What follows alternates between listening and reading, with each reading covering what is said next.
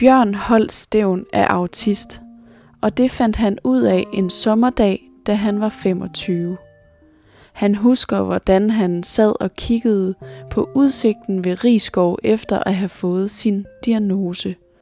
Der var nogle ting, der faldt lidt mere på plads. For som Bjørn siger, har han altid været lidt underlig. Han kunne alle bilmærkerne som barn, og nu citerer han alverdens film.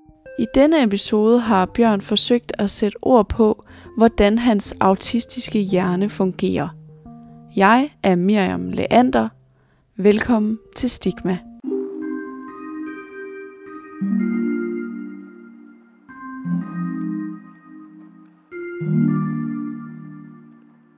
Bjørn, du øh, har sagt ja til at være med i dag for at snakke om, at du er autist. Ja, øh, ja, det har jeg sagt ja tak til. I virkeligheden er sådan en tobenet grund, fordi at der er, der er den del af at være autist, der er sådan sit eget handicap, og så er der den del af at være autist, hvor at den slags autisme, jeg har, øh, tit gør, at man døjer ekstremt meget med tilbagevirkende depressioner. Så der er også, sådan et, der er også et spor, der hedder, at jeg leder en depression ved siden af. Ja. Jeg, jeg har tænkt mig at spørge dig allerførst, hvordan fungerer din hjerne? Fordi, hvordan er den anderledes? Øh, øhm. Hvad betyder det at være autist? Mm, det betyder mere, når jeg har det dårligt psykisk, og mindre, når jeg har det godt. Men det betyder altid det, at jeg er sådan et uh, sanse uh, påvirket på den måde, at um, lugte specielt er slemt. Uh, høje lyde er sådan lidt slemt. Jeg går altid rundt uh, og laver et eller andet, hvis jeg er udenfor, og der er støj. Så har jeg høretelefoner på at høre et eller andet, eller snakker med nogen, eller sådan noget, så for at, at, at være lidt i det. Hvordan påvirker støj? Øhm, er det ubehageligt? Høj, høj lyd er øhm, meget, meget ubehagelige. Øhm, og meget, altså sådan, jeg har også indtryk af, at jeg synes, at skængre lyde er mere skængre end andre mennesker. Jeg er meget påvirket af sådan ambulancer, der kommer forbi og sådan noget. Og jeg hader folk, der kører på motorcykel ind i byen, fordi de har larmende motorcykler. Yes. okay. Ofte, når man, når man taler om det her med autister, så er øh, nok den første fordom. Nå, men så er du, hvad, hvad er du så helt vildt god til? Er, er, der, er der et eller andet, du nørder helt vildt? Og er det sådan, at øh, du også har noget, du nørder? Det er sådan, at autisme er et spektrum. Og mm. i den ene ende af det spektrum, der ligger den øh, særdiagnose, der hedder Aspergers syndrom, og det er virkelig det, jeg har. Og øh, det betyder, og, og, og, og en af de ting, man leder efter, når man diagnostiserer det, er faktisk, at man har det, der hedder en særinteresse, som er sådan, man ser folk, der har med øh, togtider i hele landet, eller Rain Man, der kan tælle kort, eller jeg har det med filmcitater. Filmcitater? Yes. Så hvad, hvad betyder film for dig? Øh, men det betyder ekstremt meget, og det betyder også altså, både meget som kunstform og som underholdning, men også som noget, der kan terpes og vide, vides noget om og snakkes om, og det, og det er den samme instruktør her, og det er en anden skuespiller der, og sådan, det, det, det giver sådan en mulighed for at have sådan en samtale, der kan brede sig ud rigtig bredt, øh, og det kan jeg vildt godt lide. Ja, øh, jeg havde set øh, Pulp Fiction to gange, før jeg kunne det falske bibelcitat. Hvornår fandt du ud af selv, at du var autist? Jeg var 4 eller 25, og det var godt vejr, så det var en sommer.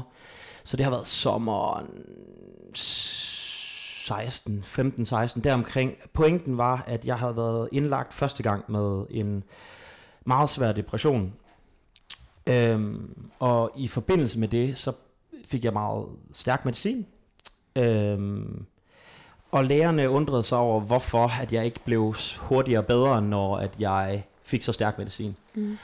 Og og så betyder det meget ofte, at man fejler et eller andet andet end depressionen, eller et eller andet, der har skyld depressionen, som ikke er væk endnu.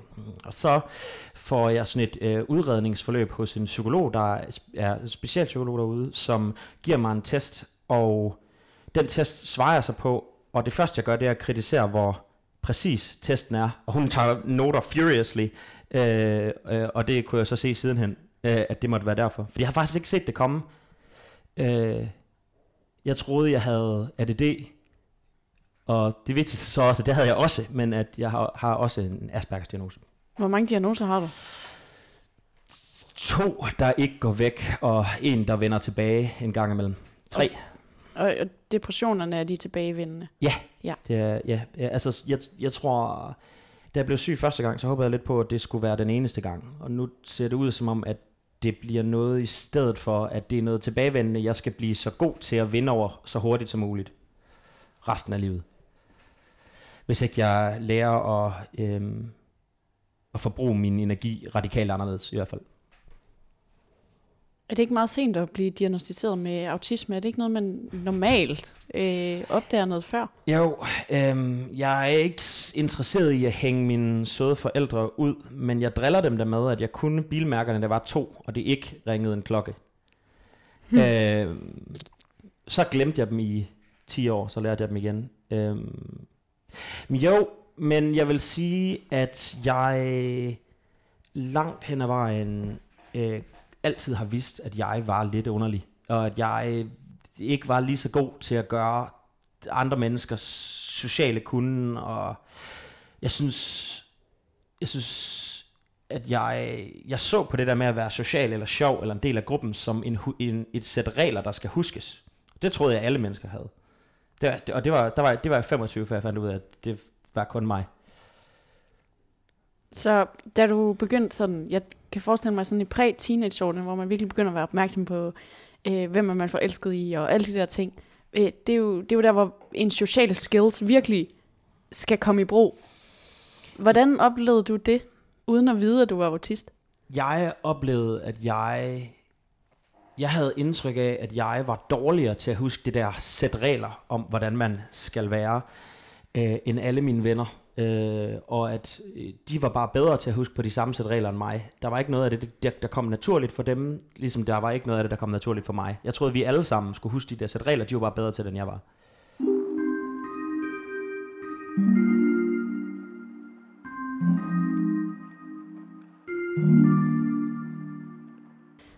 Da du så øh, havde taget den test der, og hun havde taget en masse noter, hvor lang tid gik der så, før du fik diagnosen? Mindre end en uge. Så jeg har været, jeg har nok været 25, da jeg fik diagnosen. Kan du huske den dag, øh, du fik diagnosen? Ja, øh, jeg var jo stadigvæk sådan på vej tilbage fra en meget svær depression. Øh, så min mor tog med til alting for at huske, at alt blev sagt, og at der var nogen til at tage noter, når de sagde noget vigtigt og sådan noget.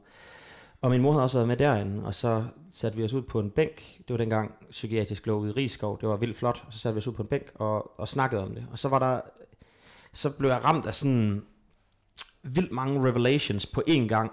Øh, om at, øh, at jeg vidste da godt, at der var et eller andet. Og jeg vidste også godt, at, at mine venner var mere naturlige, øh, end jeg var på i sådan nogle sociale sammenhænge, men at jeg synes på det her tidspunkt, der, at jeg var blevet så god til det, at det ikke skinnede igennem længere. Altså, at der, der havde jeg lært at huske de der regler mm. på en sådan måde, at jeg passede også ind, og jeg kunne, fakt, og jeg kunne sagtens øh, gebært mig også blandt fremmede øh, der som voksen. Så, så det var nogle ting, der gik op for mig i teenageårene. Jeg var en meget akavet teenager, og, og jeg kunne slet ikke få de pigers opmærksomhed, jeg synes var spændende. Øh, så derfor var det sådan set i retrospekt smart, at jeg blev udvekslingsstudent, fordi der var jeg spændende, øh, fordi jeg var europæer. Øh, og så var der en masse mennesker, der kom og snakkede til mig, og så fik jeg pusset nogle kanter af og lært, hvad man skulle sige og hvad man ikke skulle sige og sådan noget, for at folk ville være venner med en. Eller kærester. Hvad havde du så lært, da du kom hjem fra udveksling? Mm, jeg havde lært, hvordan jeg kunne modtage det at være festens midtpunkt på en måde, hvor at det ikke blev pinligt eller awkward eller sådan noget. At, det, altså, at jeg kunne være jeg kunne være ham, man kunne give ordet, og så sagde jeg noget fedt. Var der noget, der sådan faldt på plads den dag på bænken sammen med din mor? Ja, øhm, jeg har, jeg synes altid, jeg har været lidt mere syg end mine venner, i, også på gymnasiet og sådan noget. Altså, der var en gang imellem, hvor jeg lige havde tre dage i sengen, og jeg synes, jeg havde feber og sådan noget. Og det var tydeligt, at når man så på mig, jeg lignede en, der havde feber. Og jeg var overbevist om, at jeg havde feber. Men når jeg tænker tilbage, så har det også så har det været sådan en kropslig reaktion på, at jeg har overforbrugt mig selv. øh, og så siger kroppen, nej, ikke mere nu. Mm. Øhm, og det er, det er i noget omfang det, der sker, hvis jeg gør det kontinuerligt, øhm, ikke velmedicineret, der gør, at jeg bliver øh, depressiv. Så altså, jeg skal lære, hvordan man overbruger sig selv, men, men jeg troede, jeg var doven som teenager, og sådan en, der var syg lidt for meget og sådan noget, men, det, men måske var det bare en kropslig reaktion.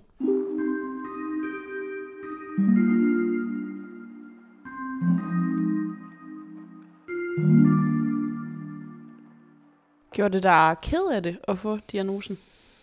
Mm. Det er et ret godt spørgsmål. Altså jeg vil også sige, altså når podcasten, podcasten øh, hedder Stigma, så bliver der også lagt op til et eller andet niveau af dårlige oplevelser, som det er værd at fortælle andre om. Og jeg synes ikke, jeg har haft dårlige oplevelser. Og jeg synes ikke, at jeg har været ked af noget, jeg egentlig måske altid har vidst, men nu bare havde ord for. Øhm, for jeg vidste jo godt, hvem jeg var. Jeg ændrede mig ikke fra dag til anden af en diagnose, men der var nogle ting, jeg fik svar på, at hvorfor det hang sådan sammen. Så nej, jeg blev ikke ked af det. Øhm, men hvis jeg skal være sådan helt ærlig, så er der måske også en del af det, der handler om, at jeg ikke tillod mig selv at blive ked af det, fordi at det jo ikke, fordi det for det første ikke var noget, jeg kunne gøre noget ved, men for det andet, så var det også det, der var at være ked af, det er long gone. Altså, øh, det var altså, det var som barn, at man skulle være ked af, at man havde øh, fået det sværere med at få venner end andre børn, eller et eller andet, ikke? Altså, øh, jeg, synes ikke, jeg synes ikke, det var sørgeligt, eller noget, der gjorde mig ked af det, da jeg fik det som voksen. Hvad så i dag, når du tænker over, at du er nødt til at spare på energi, for ikke at ende med at blive enten syg et par dage, eller så syg rigtig længe, og få depressioner?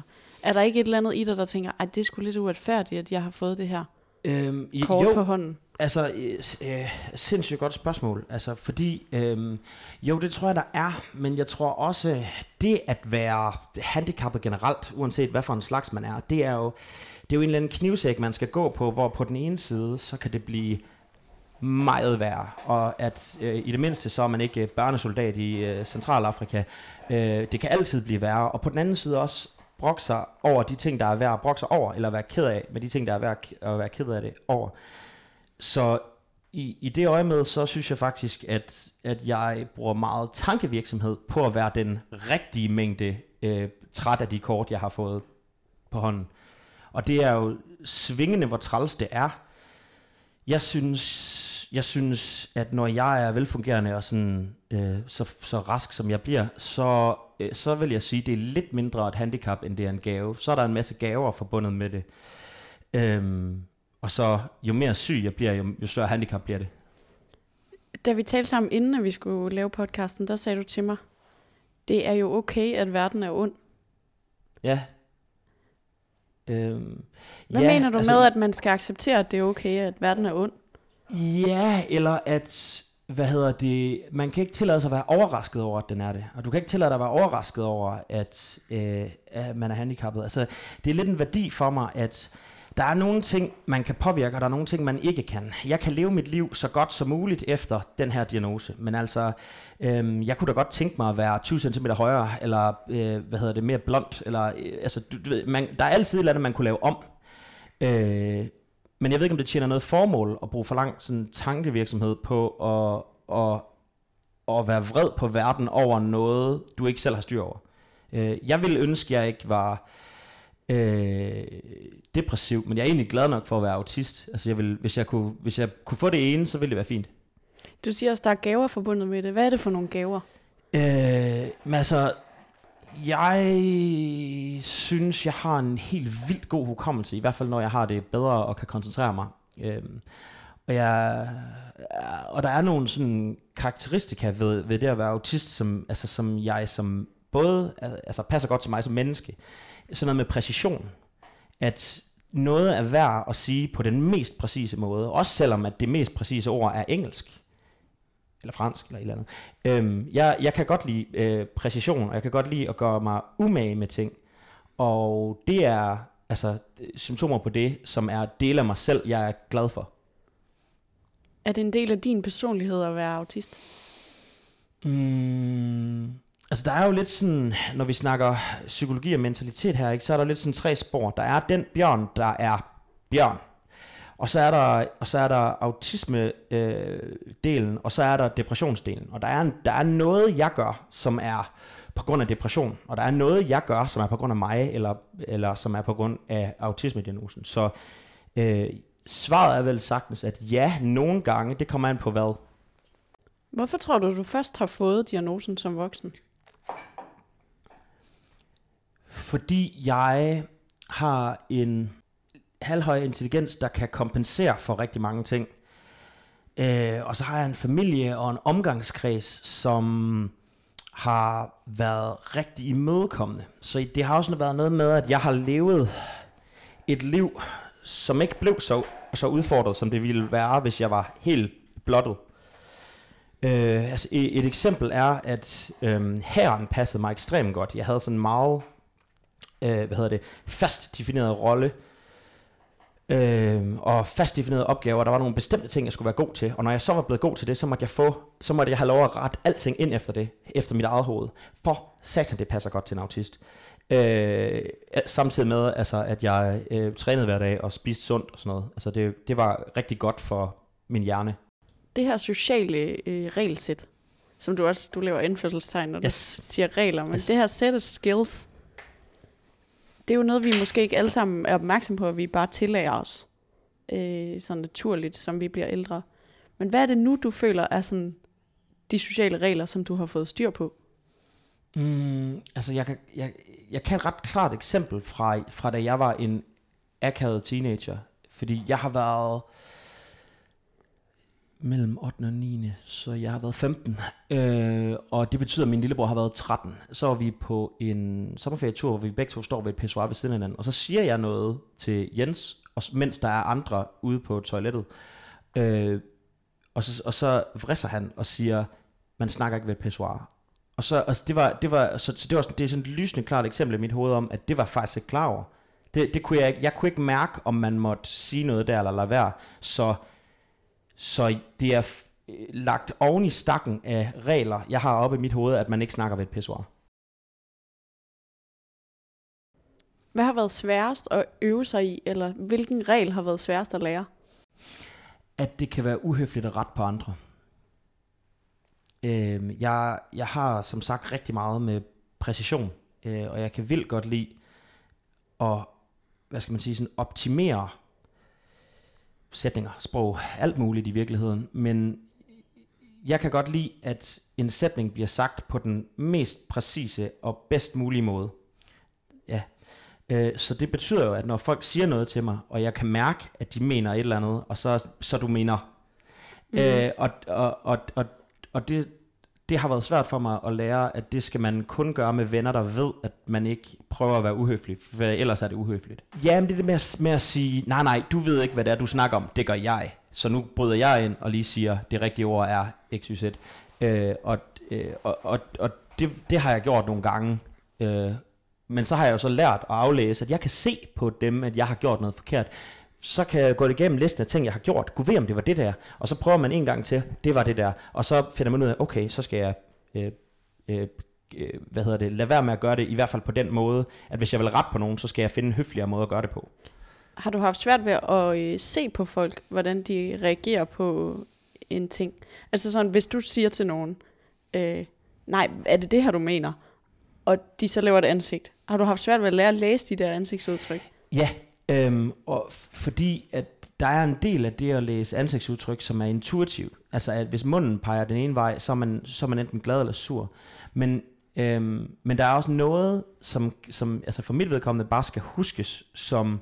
Altså, så er det et spørgsmål om at se det nok gange. Nå, det er sådan, man ser ud, når man er vred. Nå, det er sådan, man ser ud, når man er et eller andet, eller sådan noget.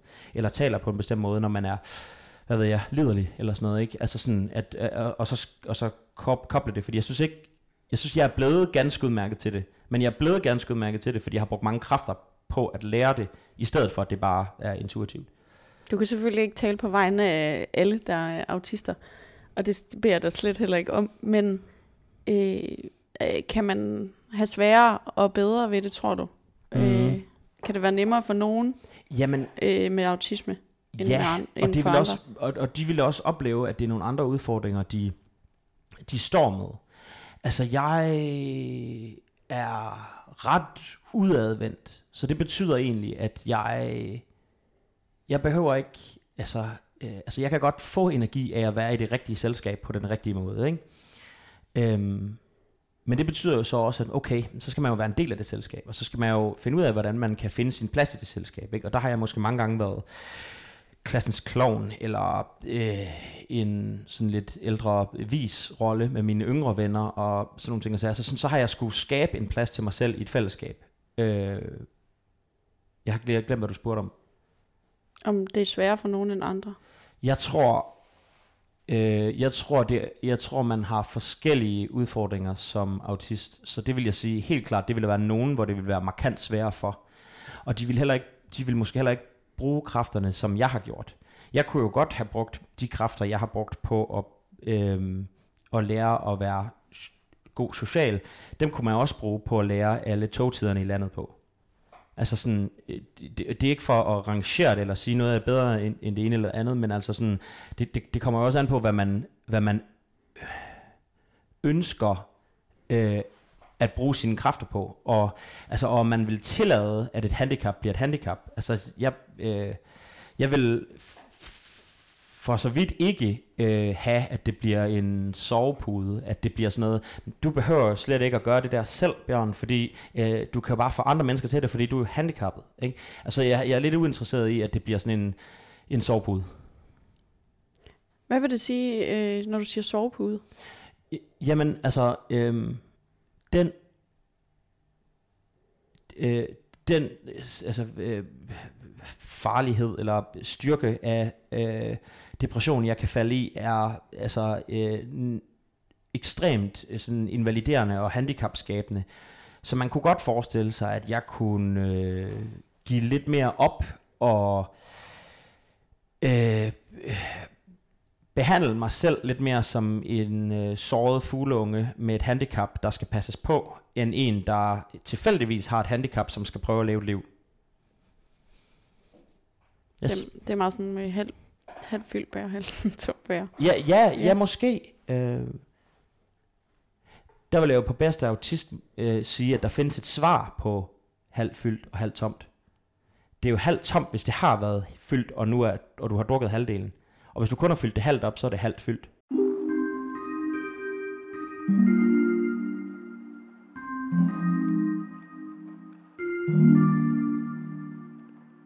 Jeg vil gerne lige gentage fat på det, du siger med at, at finde en rolle, altså at være klassens klovn, eller at være øh, den lidt ældre og vise ven i en gruppe med nogle yngre venner. Øhm, er det en tilfredsstillende følelse for dig at øh, finde en rolle og udfylde? Mm, jeg tror noget af det er at blive voksen. At man er skater og klæder sig som en skater, indtil man finder ud af, hvem man selv er. Eller det kunne være tusind andre identiteter. Men så, og så er der en del af at være ung voksen, hvor at man, man begynder at være klar over, hvad for en rolle man, man optager. Og det er jo og det er her, vi, vi, i virkeligheden det, du spørger efter. Men hvis jeg skal være helt ærlig, så er jeg nogle gange lidt på sådan et metaplan, hvor at, nå, jeg er godt klar over, at, I, at du tror, at jeg er klassens klovn, og jeg kan sagtens finde ud af at være klassens klovn, men jeg kan også sagtens finde ud af at træde ud af den rolle. Så jeg tror, jeg tror, jeg ville være ked af, hvis jeg skulle nøjes med at være en rolle. Men hvis så længe, at jeg ikke er låst, så er jeg heller ikke utilfreds. Er du et meget socialt menneske? Ja, det vil jeg sige. Øhm, og jeg, jeg, er så, jeg er præcis så social, som jeg kan holde ud at være.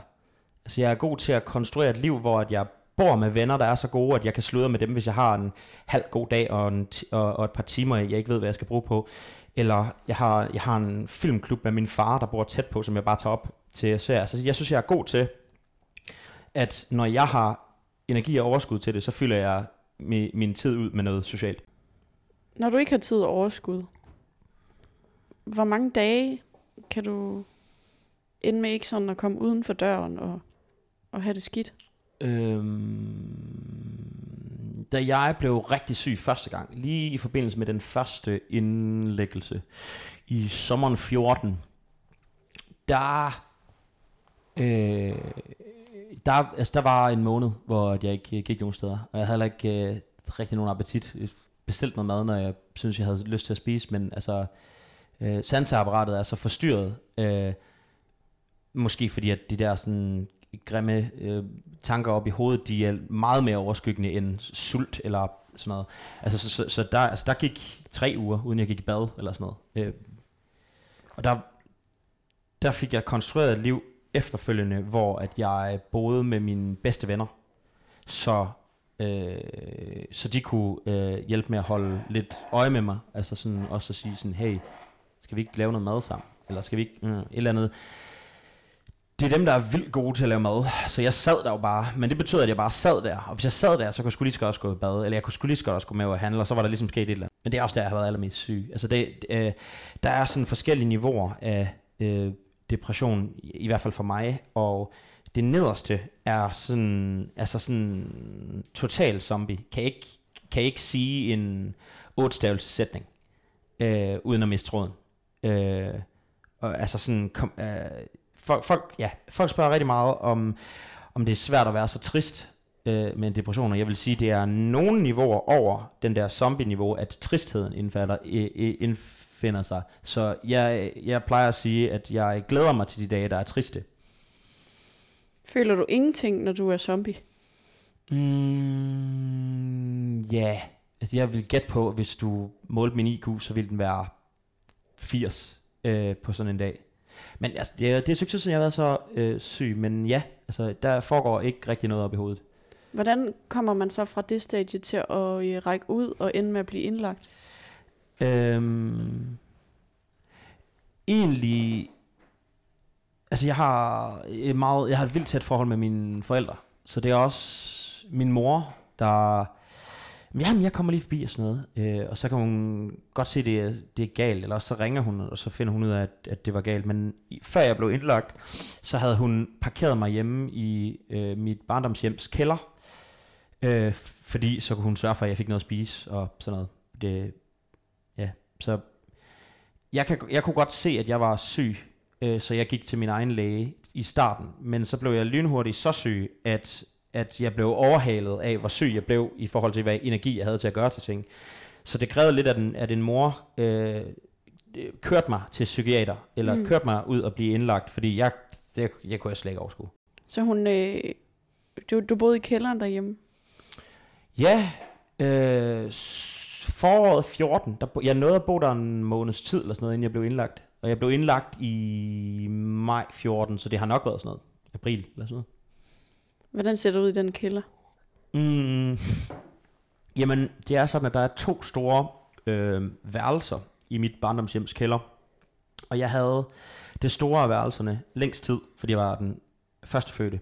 Men så til sidst, så var vi nødt til at bytte, så Jens fik det største også. Men jeg fik det største igen, og det var altså bare normalt gæsteværelse med en enkelt af mine filmplakater, tror jeg, øh, hængende på væggen. Øh, og så havde jeg taget min Playstation med og sådan et eller andet at lave, når jeg var vågen. Det, var det lidt sådan en hule? Uh, ja, ja, det kan du sagtens sige. Øhm, også fordi, at der er, der er sådan et, der er sådan et level af at være malig i det der, at øh, hvis din arm gør ondt, så kan du, øh, så kan du øh, prøve at fikse armen. Men når det er noget i din hjerne, du ikke kan nå, så, det, så i virkeligheden, så det eneste, man kan gøre, det er at gøre, at alt andet ikke er i vejen. Sådan så, at man ligger godt i sengen, eller sådan et eller andet. Ja. Så er hulen egentlig, var det et ret sted at være? Ja, det synes jeg da. Altså, ja. Øhm, jeg, er, jeg er ikke sådan en, der når jeg har været hjemme på juleferie, øh, øh, hvad hedder det, har desperat behov for at komme hjem igen, fordi min familie er jo ulidelig. Jeg kan faktisk godt lide øh, hele min familie, og jeg synes egentlig også, det var nemt. Men jeg synes egentlig også, det var nemt at tage imod, altså fordi der er også noget med, altså der er jo, der er jo et niveau, hvor at, at man kan få hjælp til noget, der bliver øh, umyndiggørende. Altså jeg, øh, jeg er handicappet, men, hvis du, men jeg vil helst ikke have, at du binder mine sko, vel? Altså sådan, det, det, det skal være hjælp til de rigtige ting, og, øh, og jeg kunne godt erkende, at det hun hjalp mig med, det var noget, jeg ikke var i stand til at fikse selv, og derfor var det også en hjælp, jeg kunne tage imod. Det, det føles ikke sådan uværdigt. Første gang, du blev indlagt. Ja. Kan du huske den dag? Øh, ja, øh, det var faktisk ikke en dag, det var øh, en aften. Øh, Øh, I de perioder, hvor at jeg dykker humørmæssigt rigtig meget, der fik jeg øh, sådan ret intense angstanfald. Og det fik jeg der om aftenen, øh, nede i den hule. Øhm, og da det ligesom ringede ud, så havde jeg bare sådan en følelse i kroppen af, at jeg kunne ikke, jeg kunne ikke være der, hvor jeg var. Øh, og, og jeg var nødt til sådan at flygte eller bevæge mig væk eller sådan noget andet, men den følelse hang ved. Øh, og jeg vidste ikke, hvad jeg skulle gøre, så jeg gik op og vækkede min mor og min dengang øh, stedfar, Torben. Og så kørte de mig ud på psyk øh, akut. Og så skulle jeg svare på en masse spørgsmål, men altså, jeg, det er meget svært at holde øjenkontakt øh, for autister, og det er svært at holde øjenkontakt for øh, det, folk med depression, og med en hel depression, så kommer, så kommer nakken aldrig sådan op på øh, vandret niveau. Altså der, man, jeg sidder bare og kigger ned og mumler svar på spørgsmål, og så fik jeg nogle meget stærke sovepiller, og så klip halvandet døgn, og så vågner jeg øh, på en afdeling på psykiatrisk i Rigskov. Hvordan ser der ud der, hvor du vågner? Øhm, lidt større end normale enkeltmandsstuer, men altså, det ligner ret meget et hospital. Øh, øh, hvad hedder det? Der er ikke sådan trammer for vinduerne, men du kan ikke åbne vinduerne mere end øh, et par centimeter. Det er sommer, der er varmt, mm, og jeg begynder, og jeg, jeg kan huske, jeg tænker et eller andet med, at øh, ja, at jeg ikke rigtig lige kunne overskue at gå ud og øh, øh, med plejepersonalet. Jeg, jeg synes, tror, jeg synes, det var lidt, øh, det var lidt grænseoverskridende. Mm. Øhm, ja. Og så er jeg ude og møde dem, og det er, ja, det er ligesom, hvad det er. Øhm, og så kontakter jeg min, øh, hvad hedder det, mor, og begynder at spørge om ting, hun kan komme ud med til mig. Øh, jeg, øh, var, jeg kan huske, at jeg var meget self-conscious over, at jeg ikke var nybarberet, øh, eller ikke sådan overhovedet barberet. Så jeg kan huske, hun sagde, at hun skulle komme med en øh, barberskraber derud. Og det er der en af de der plejere, der hører. Og så skulle jeg lige interviews i fem minutter, hvad jeg skulle bruge barberblad til. Og, mm. øh, og vi er tilbage i det der med, hvor øh, umyndiggørende noget føltes, og øh, fair nok, at det er en lukket afdeling. Øh, så er det et spørgsmål om, så er det individuelt fra patient til patient, om man må gå eller ej, og det måtte jeg gerne. Men det er en lukket afdeling, så det er okay, der ikke må være knive. Det, det kan jeg sådan set godt forstå. Øh, og, jeg kan, og, og, og i den ombæring, så kan jeg også godt forstå, at de skal se, hvad jeg bruger den til. Øh, men, det, men det føles ekstremt umyndiggørende at blive udspurgt om øh, øh, barbergrej. Fik du lov at barbere dig? Ja, ja, det gør jeg. Det gør jeg. Var der nogen, der kiggede på? Ja, det var der. Der var en sygeplejerske, der kiggede på.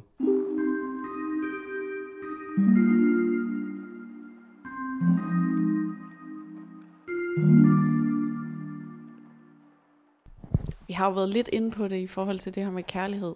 I hvert fald i forhold til at blive en akavet teenager Ja. øh, med autisme, der måske har lidt sværere ved at, at øh, læse kærlighedsgamet. Øh, Hvordan er det som voksen i forhold til kærlighed Mm, for dig? Altså, jeg... Jeg synes ikke, at det at være autist har været i vejen for nogle af mine parforhold. Øhm, det, der er endt med at gå galt, der har nok mere været... Altså, det har ikke været på grund af, at jeg er autist. Det har været på grund af mig, eller hende, eller os. Øh, jeg, jeg ved ikke... Altså, jeg, jeg har ikke indtryk af, at man bliver en hverken bedre eller værre autist, øh, som, altså øh, bedre eller være kæreste som autist. Jeg tror, jeg tror, at autister er vant til at gøre sig meget umage, og det tror jeg, man kan komme rigtig langt med. Til gengæld så ville det være smart, hvis man kunne læse sådan nogle social cues, øh, øh, så man kan vise, at man er ked af det, uden at være nødt til at sige det. Så altså, jeg tror, man vinder lidt ved det, og taber lidt ved det, og det er ikke udpræget den ene retning, tror jeg. Hvornår sådan i et datingforløb siger man, jeg er forresten autist? Øh, hvornår siger man det? Hvornår vil du sige det? Øhm, på et tidspunkt, hvor det faldt naturligt. Jeg vil ikke, jeg vil ikke introducere mig sådan, men altså jeg tror, hvis jeg skal være helt ærlig, at jeg vil, øh, nævne det, når jeg, var, når jeg, når jeg havde været i stand til at læse, om samtalen gik godt eller mellemgodt. Øh, fordi hvis det går dårligt, så er det lige meget. Men hvis, men, men, det, men hvis det går godt, så skal man også huske at få det sagt, så det ikke er sådan noget, der kommer snigende efterfølgende. Øh, altså, i i løbet af den første time vil jeg gætte på, men nok ikke i løbet af den første halv. Hvad tror du, man tænker, når man får det at vide? Lad os sige på en tredje date. Øh, hvorfor ventede han til tredje date? Øh, nej, jeg tror... Jeg tror, at der er mange, der bliver overrasket, når jeg fortæller det. Fordi at jeg er sådan lidt øh, frem i skoene. Øh, hvis ikke du siger noget, så skal jeg nok sige noget agtigt. Og det er måske ikke det, folk forbinder med at være autist. Altså, jeg, øh, jeg får meget den der, øh, altså sådan, jeg troede, jeg vidste, hvad autisme var, for jeg har set Rain Man. Øh, og jeg kan ikke tælle kort, men jeg kan citere min yndlingsfilm. Hvad betyder det, både øh, din autisme, men også øh, depressionerne for øh, uddannelse? Og, altså jeg ved, du går på universitetet. Mm. Hvad betyder det i forhold til at tage en uddannelse, at du kæmper med de her ting? Øh, rigtig meget. Øh, jeg har haft en svær vej på universitetet, og jeg er faktisk også sygemeldt i øjeblikket. Øh, øh, øh, øh, på grund af en depression. Og det er øh, umuligt at læse på universitetet, når man ikke kan koncentrere sig i et kvarter ad gang. Øh, altså, altså øh, så man skal, altså jeg skal ikke have det sådan specielt meget depressionsagtigt, før at jeg begynder at sige, nå, ja, okay, så, der, der, så er det skib ligesom kørt, ikke? Øhm, men omvendt, så kan jeg også huske, når jeg er velfungerende, så er det en gave, at jeg kan læse en svær tekst én gang, og så kan jeg huske, hvad der står.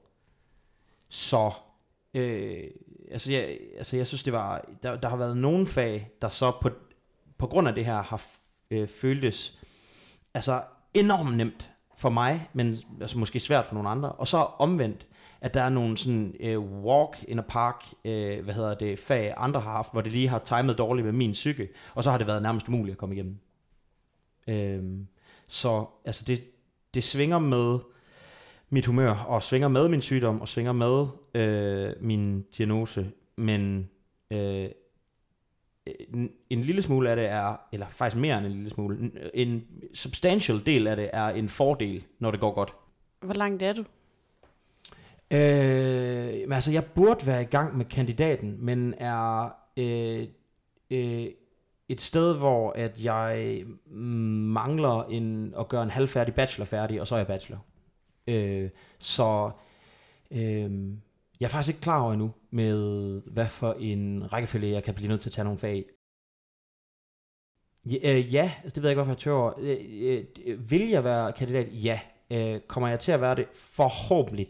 Fingers crossed, ja. Men jeg tror også, at der er noget lektie for mig i, at jeg skal bruge mig selv på den rigtige måde.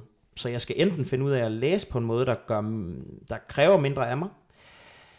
Kunne fx være at lade mig at melde mig til alle former for øh, øh, foreninger. Men øhm, ja, altså sådan, at jeg skal finde en måde at gøre det færdigt på, hvis jeg skal gøre det færdigt. Og ellers så må jeg stoppe der, og så, altså så øh, øh, øh, finde ud af, hvad jeg så gør.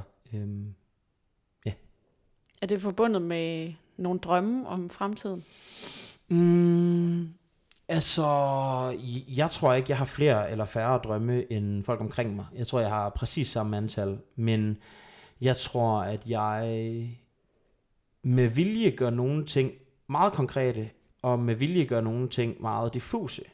Forstået på den måde, at øhm, at, det kan, at, at, at ting kan godt være sådan lidt diffust og sådan lidt ude i fremtiden, og sådan, det behøver jeg ikke at deal med lige nu.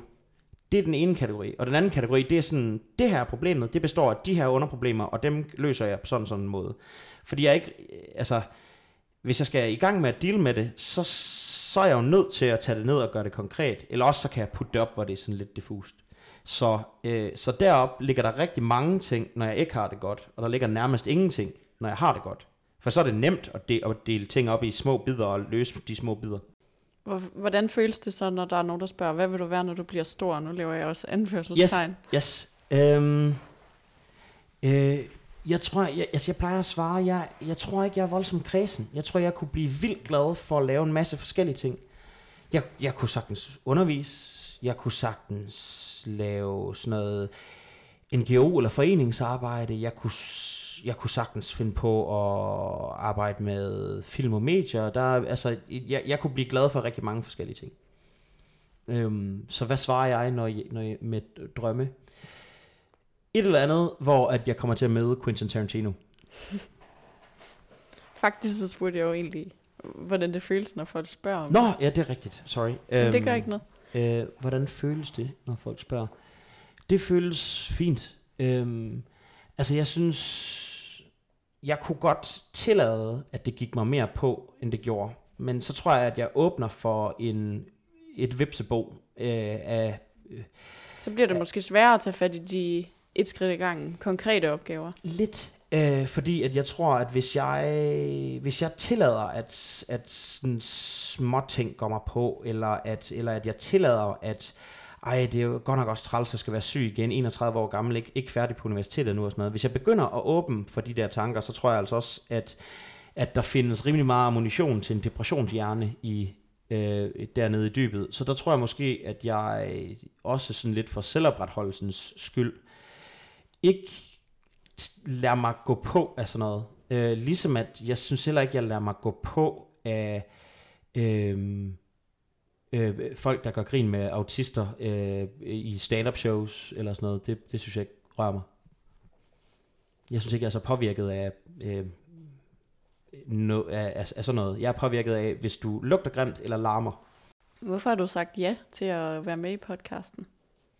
Mm, altså, egentlig af flere årsager. Jeg synes, de andre afsnit har virket forholdsvis spændende.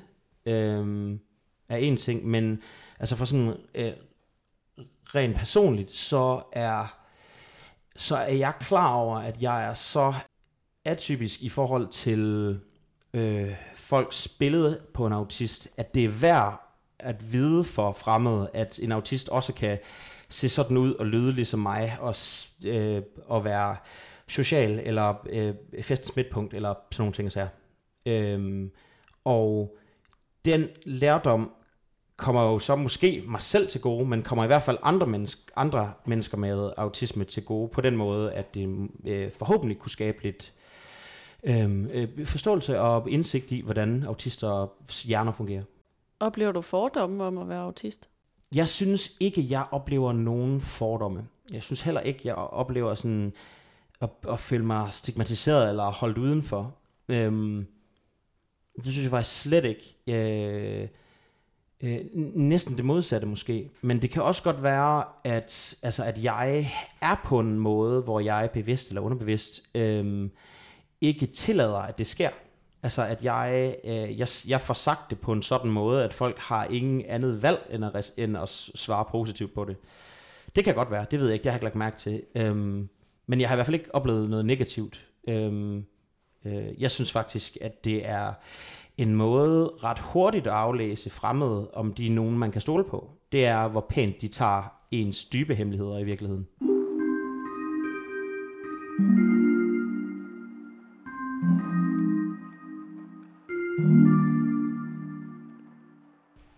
Du bruger det her udtryk, ammunition til en depressionshjerne. Ja. Hvad vil det sige? Det vil sige, at når jeg bevæger mig over det der øh, ligeglade zombie-stadie, øh, øh, så er der i min hjerne fyldt med en masse øh, tanker om, at jeg ikke er noget værd, og at jeg øh, kun er til besvær, og at, øh, ved du hvad imposter syndrome er? Nej. Øh, det, imposter syndrome betyder, at man føler som om, at i- folk finder lige om straks snart ud af, hvor nederen jeg er. Og, og så kan jeg ikke holde den, holde dem, holde dem hvad hedder det, for nar længere. Sådan kan jeg godt have det lidt. At alle mine venner er kun venner med mig på grund af høflighed. Øh, og at jeg føler ekstremt stor skyldfølelse og alle mulige ting, jeg fortryder i mit liv, øh, eller har sagt på en bøvet måde, eller alle sådan nogle små ting, øh, er, er det, der kører rundt i, øh, i min hjerne. Så ammunition til det, det vil jo være, altså hvis jeg, hvis jeg sagde noget, jeg virkelig kom til at fortryde i den her podcast eksempelvis, så ville det være, at en, når den udkom, og jeg lyttede til den, og jeg havde en dårlig dag, så ville jeg græmmes over mig selv. Ikke? Øh, så det er ammunition, det er øh, ammunition til dårlige tanker om mig selv. Hvordan forsøger du at undgå det? Mm, ved at forsøge at være en så god ven som muligt på en god dag. Således at jeg kan rationelt overbevise mig selv om, at jamen, mine venner kan godt lide mig. Øh, så at den der, mine venner kan godt lide mig, sætning kan køre sammen med alt det grimme. Øh, Hvad betyder det for dig at være social og have gode venner? Øh, ret meget. Øh, altså, jeg er ret socialt anlagt, og, øh, og øh, jeg vægter det at have en bred og ekstremt god omgangskreds øh, meget højt. Altså sådan, øh, også i sådan grad, at jeg øh, altså møder op til ting, jeg ikke gider, og, øh, og som ting, altså, jeg er en alene for at være med. Jeg prioriterer det at være med. Er du bange for at være udenfor? Jeg havde egentlig lyst til at sige nej, men måske faktisk jo. Øh, altså, øh, jeg, altså pointen er, at jeg er aldrig udenfor. Jeg er med i alt, og alle vil have mig med. Og det lyder nederen at sige, men det kan jeg sige, fordi jeg har en god dag i dag. Øh, det, hvis jeg havde haft en dårlig dag, så, så kunne vi slet ikke lave podcasten. Men jeg oplever ikke, at jeg er udenfor. Øh, jeg oplever faktisk næsten det modsatte, at jeg bliver inviteret til ting. Og derfor, øh, men altså, det er jo også det, der gør, at jeg kan holde mig selv ud. Det er, at, at, at der er nogle gode tanker om mig selv, at holde op mod alle de ringe. Du siger, at hvis øh, du havde haft en dårlig dag, så kunne vi slet ikke lave podcasten. Og vi har jo faktisk haft nogle aftaler nogle gange, hvor Ja. så, har vi, så har vi aftalt på dagen, der skrives vi ved, og så ser vi på, hvad, hvad er det for en dag, Ja. og så tager vi podcasten og rammer det en dag, hvor, det, hvor det, du kan overskue at optage. Øh, rigtigt. Øh, øh, altså sådan, det her er anden eller tredje omgang, ikke? Øh, altså, og, og den her podcast er jo blevet til live af, at du nogle timer i forvejen her i, til aften øh, skrev, om, det, om vi stadigvæk kunne gøre det her til aften. Og jeg havde en god nok dag til at sige, ja, det vil jeg gerne. Rangerer du de forskellige dage? For de sådan, er der et system? Mm. Eller sådan, øhm, vurderer du, det her var en god dag, det var en mellemgod dag, det her var en Øhm, dårlig dag? Ja, jeg, jeg synes tit, altså der er, det er jo på mange forskellige parametre. De, de to tydeligste, det er energi og lyst, og det andet er mængden af grimme tanker i mit hoved. Og øhm, jeg har haft en god dag, hvor jeg har, øh, øh, hvad hedder det, kunne lave lidt og se nogle mennesker og spise en frokost og sådan nogle ting og sager, hvilket har gjort, at jeg ikke har været alene med de der grimme tanker, og derfor så ligger de lidt i baggrunden, og derfor så er den her øh, ganske udmærkede dag, som det har været i dag, øhm, det, det, den, har, den har figureret som god, fordi der ikke har været plads til alle de grimme ting. Fordi at jeg kan måle en dårlig dag på, hvor, hvor meget mit hoved er fyldt med grimme tanker. Og det kan jeg faktisk tit mærke før, end at jeg kan mærke energien eller alle de der andre ting. Før, altså så øh, når du Når jeg, vågner, når jeg vågner om morgenen, så, er, så går der ikke fem minutter før, at mit hoved enten er fyldt med grimme tanker, lidt grimme tanker, eller ikke grimme tanker. Øh, altså, der er lidt tre kategorier der. Og så kan jeg, og så kan jeg stå op og øh, gøre alt muligt, og så kan jeg sige, nå, ja, ganske rigtigt, der kom den der øh, knugende, øh, ligegyldige depressionstilstand, den kom øh, rigtig nok snigende, og det vidste jeg, den ville gøre, fordi tankerne har været rigtig grimme. Og så har du perioder, kan jeg forstå, hvor at de dage, at de dårlige dage er mange, og perioder, hvor de ikke er så mange. Ja. Har du sådan ha- halvårsperioder? Øh, altså, jeg kan godt forstå, at du spørger på den måde. Øh, ja, det har jeg måske lidt øh, forstået på forstået på den måde, at når øh, at jeg har haft en god dag, så har jeg sjældent en vildt dårlig dagen efter. Der er tit sådan en god, halvgod, halvdårlig, dårlig, øh, halvgod, god, og så videre, og så videre. Altså, at, at det er sjældent, at, de, at det virkelig springer. Og derfor så betyder det også, at hvis jeg har haft tre dårlige dage i streg, det er meget hårdt at have øh, flere dårlige dage i streg, men hvis jeg har haft det, så ved jeg jo også et eller andet sted, at lige om lidt, så begynder det at blive godt, og når det begynder at blive godt, så bliver det bedre i ret længe. Øhm, så altså sådan, det er meget periodisk. Oplever du, at øh, andre er lidt berøringsangste over for øh, at spørge ind til de her ting? Ja, øh, det synes jeg, jeg gør. Øhm, jeg synes, men jeg synes, den berøringsangst fordufter øh, med tiden. Øh, Jo bedre venner man bliver, eller hvad? Ja, altså fordi at jeg synes, jeg har... Jeg har nogle ret sådan, øh, dybe ting at fortælle om mig selv. Et handicap om svær depression. Jeg har været indlagt og sådan noget. Det, det, jeg kunne godt forestille mig, hvordan det kunne have været noget, jeg, jeg ville have været bange for at snakke om. Men det er jeg ikke. Hvilket så betyder, at når jeg ikke er bange for at fortælle om svære ting, jamen så, øh, så kan det være, at en ny ven tør dele noget, øh, de har oplevet, som er sammenligneligt, eller det behøver ikke engang at være sammenligneligt, vel? Men, men det, altså, så jeg har egentlig nok oplevet, at jeg har blevet, altså sådan, at jeg har kunne bygge noget øh, trust, sådan noget, noget tro på, øh, på baggrund af sådan en hudløs ærlighed. Er det dig, der oftest tager første skridt? Øh, altså, jeg, jeg siger det ikke som det første, når jeg lærer nogen at kende, men jeg siger det på den første dag, tror jeg. Jeg får det, jeg får det flettet ind på en eller anden måde, hvor jeg lige sådan, mm, får det sagt. Hvorfor tror du, at andre er berøringsangste over for at spørge ind til de ting, der er meget svære? Fordi at, øhm, at der findes meget mere stigmatisering af psykisk sygdom, end jeg oplever.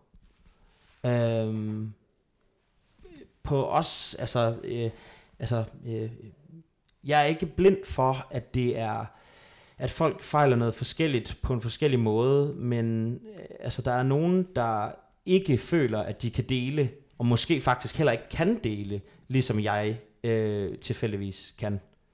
Øhm, men altså, øh, husk på, jeg er autist. Der er også en chance for, at jeg siger det, og de, og de reagerer dårligt ved det, men jeg fatter ikke, eller opfanger ikke, at de reagerer dårligt øh, på det, og, og, og går bare videre, som om alting er godt. Og så kan det være, at alting bliver godt med tiden. Det er der en, det er der en stor sandsynlighed for, at det er sådan, det hænger sammen.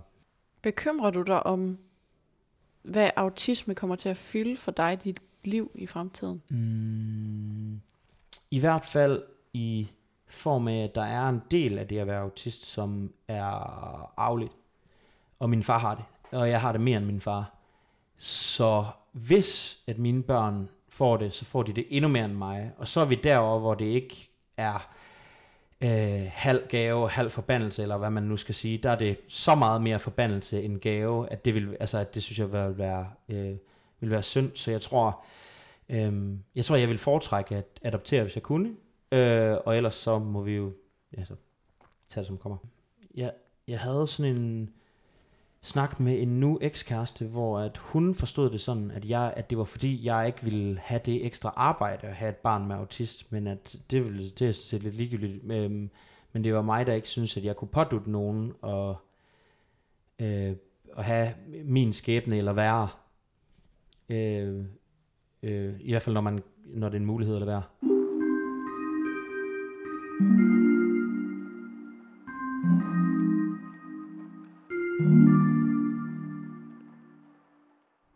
Er du ved at lære, hvordan du skal bruge din tid og energi? Øhm, det er mere energi, end det er tid. Øhm, ja, altså i virkeligheden, så tror jeg, at det er sådan er work in progress. Altså, og det, øh, hvis jeg skal være helt ærlig, så vil jeg også gætte på, at du er i færd med at lære, hvordan du skal bruge din energi. Ikke? Altså det er en del af at være voksen og ung voksen og finde sin plads i verden og finde ud af, hvad man vil prioritere. Altså sådan, vil jeg være the funny guy hver evig eneste gang, selvom at jeg øh, overforbruger mig selv, når jeg gør det? Hm, måske, det er fair nok. Det, det skal bare være altså, velovervejet og med vilje. Og ja, det er jeg ved at finde ud af. Øhm, og specielt på den måde, at, at det er noget, hvor at det er godt givet ud og blevet god til. Fordi jeg kan være mere den bjørn, jeg har lyst til at være, jo bedre jeg bliver til at manage den energi, der er. Fordi så handler det jo om at, f- og så, ja, det er den ene arm, og den anden arm er så at få mere mulig energi. Og det kan jeg jo øh, få, så længe at mine piller virker. Er der noget, du har lyst til at sige her til sidst? Mm, jeg kunne godt tænke mig at sige, at, øhm, at jeg tror, at jeg vil gætte på, at der er en håndfuld autister i alle folks liv. Og der er måske hende dernede fra øh, den anden afdeling, som måske ikke er så god socialt, men, øh, men hun er faktisk ret sjov, når man, lærer, når man lærer hende at kende. Og, altså jeg tror, jeg tror, at folk kender flere autister, end de tror, de kender. Øhm, og det tror jeg er øh, værd at vide, at man måske ikke behøver at have så meget berøringsangst med mennesker, der går op i øhm, præcision og direktehed. At måske er det faktisk nemmere at spørge en autist om, at, om det at være autist, end det er at spørge en, øh, ja, jeg ved ikke, hvad jeg skal komme med, med andet eksempel, men altså sådan, at, at mennesker, hvor præcision betyder noget, de vil også gerne svare på præcise spørgsmål. Mm.